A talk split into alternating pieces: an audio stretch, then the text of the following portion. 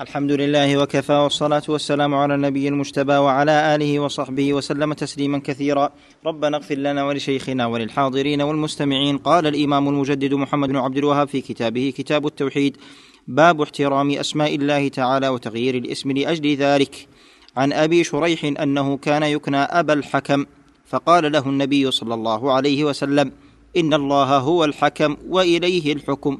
فقال إن قومي إذا اختلفوا في شيء أتوني فحكمت بينهم فرضي كلا الفريقين. فقال ما أحسن هذا؟ فما لك من الولد؟ قال شريح ومسلم وعبد الله. قال فمن أكبرهم؟ قلت شريح. قال فأنت أبو شريح رواه أبو داود وغيره. بسم الله الرحمن الرحيم. الحمد لله رب العالمين. صلى الله وسلم وبارك على نبينا محمد وعلى آله وأصحابه أجمعين. وهذا الباب يشبه الباب الذي قبله. في احترام أسماء الله تعالى وتغيير الاسم لأجل ذلك. ولهذا قال المؤلف رحمه الله تعالى باب احترام أسماء الله تعالى وتغيير الاسم لأجل ذلك. وأبو شريح هذا رضي الله عنه كان يكنى أبا الحكم. فسأله النبي صلى الله عليه وسلم فقال له إن الله هو الحكم وإليه الحكم. فالله تعالى هو الحكم بين عباده في الدنيا بوحيه الذي أنزله على أنبيائه ورسله عليهم الصلاة والسلام. ومن كذلك ما أنزله الله تعالى في كتابه وأنزله على رسوله عليه الصلاة والسلام ففي الكتاب والسنة حكم الله تعالى بين العباد. وأما يوم القيامة فيحكم بين عباده سبحانه وتعالى بنفسه سبحانه وتعالى.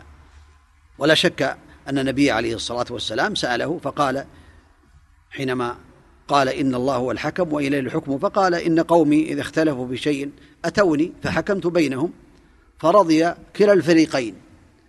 يعني فكنوه بهذا الاسم. فقال ما أحسن هذا؟ ما أحسن هذا؟ فما لك من الولد؟ قال شريح ومسلم وعبد الله. قال فمن أكبرهم؟ قلت شريح. قال فأنت أبو شريح.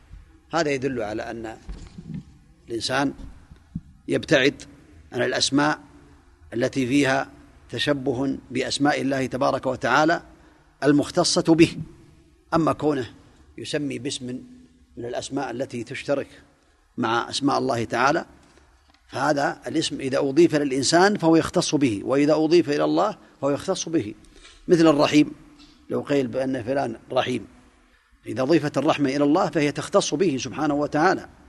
رحمة خاصة به ليس كرحمه خلقه. واسم خاص به ليس كاسماء خلقه. أما يعني المخلوق فاسمه يليق به بضعفه. كذلك العزيز لو قيل عزيز الله هو العزيز لكن يجوز أن يقال بأن فلان عزيز. هذا العزة تناسب هذا الإنسان على حسب ضعفه. أما إذا أضيفت العزة لله تعالى فهي تختص به سبحانه وتعالى ولا يعتري هذا الاسم إذا أضيف إلى الله تعالى نقص بوجه من الوجوه وإنما هو خاص بالله تبارك وتعالى.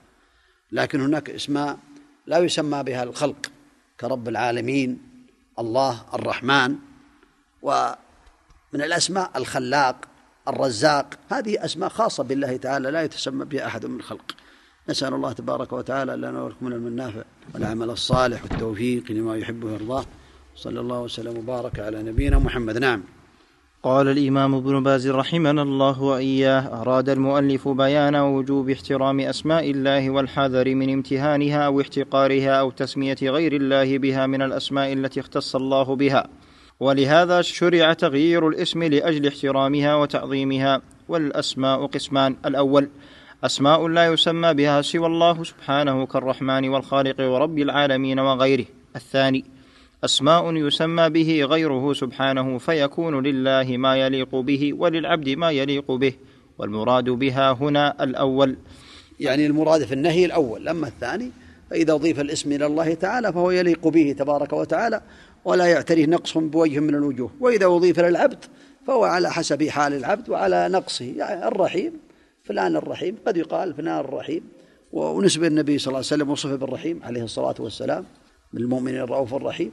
وهكذا فهذا يختص بالمخلوق. أما إذا أضيف إلى الله تعالى فهو يختص به سبحانه وتعالى ويليق بجلاله. نعم. عن أبي شريح أنه كان يكنى أبا الحكم فقال له النبي صلى الله عليه وسلم إن الله هو الحكم. قوله ما أحسن هذا أي ما أحسن هذا العمل الذي هو الإصلاح بينهم والتوسط ليرضوا وتزول الخصومات. وهذا شيء مطلوب وخير. فوائد الحديث ينبغي احترام أسماء الله تعالى وتغيير الاسم لأجل ذلك.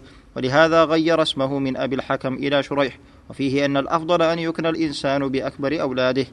وفيه شرعية الإصلاح بين الناس وأنه شيء مطلوب وأنه ينبغي لكبراء الناس أن يتوسطوا بين قومهم في حل الخصومات حتى لا تبقى الشحناء والعداوة. والإصلاح بينهم أفضل من الحكم لأن الحكم يحصل به حزازات لكن إذا اصطلحوا عن طيب نفس كان أفضل لزوال ما في النفوس وتحل المحبة والمودة. قوله رواه أبو داود ظاهر كلام المؤلف أنه يرى أن الحديث صالح للحجة ولهذا اعتمده واكتفى به واستدل به أنه لا يسمى بالحكم وأبي الحكم لأن هذا وصف لله تعالى هو الحاكم بين عباده وله الحكم في الدنيا بشرعه وفي الآخرة يحكم بنفسه. سبحانه نعم. ولكن يرد على هذا ما جاء في الأحاديث الصحيحة الكثيرة من أسماء كالحكم والحكيم ولم يغيرها النبي صلى الله عليه وسلم وهي أصح من هذه الرواية. وهذا مما يدل على أن الحديث في صحته نظر لأن النبي صلى الله عليه وسلم قد أقر بعض الأسماء كحكيم بن حزام والحكم بن عمرو الغفاري وأسماء أخرى ولم يغيرها ولو كانت منكرة لغيرها ولأن الحكم يكون بالشرع بين الناس ولا يضره أن يتسمى بذلك وأن يسمى القاضي والحاكم وما أشبه ذلك. الله أعلم وصلى الله وسلم وبارك على نبينا محمد وعلى آله وأصحابه. أجمعين. بارك الله فيكم وجزاكم الله خيرا.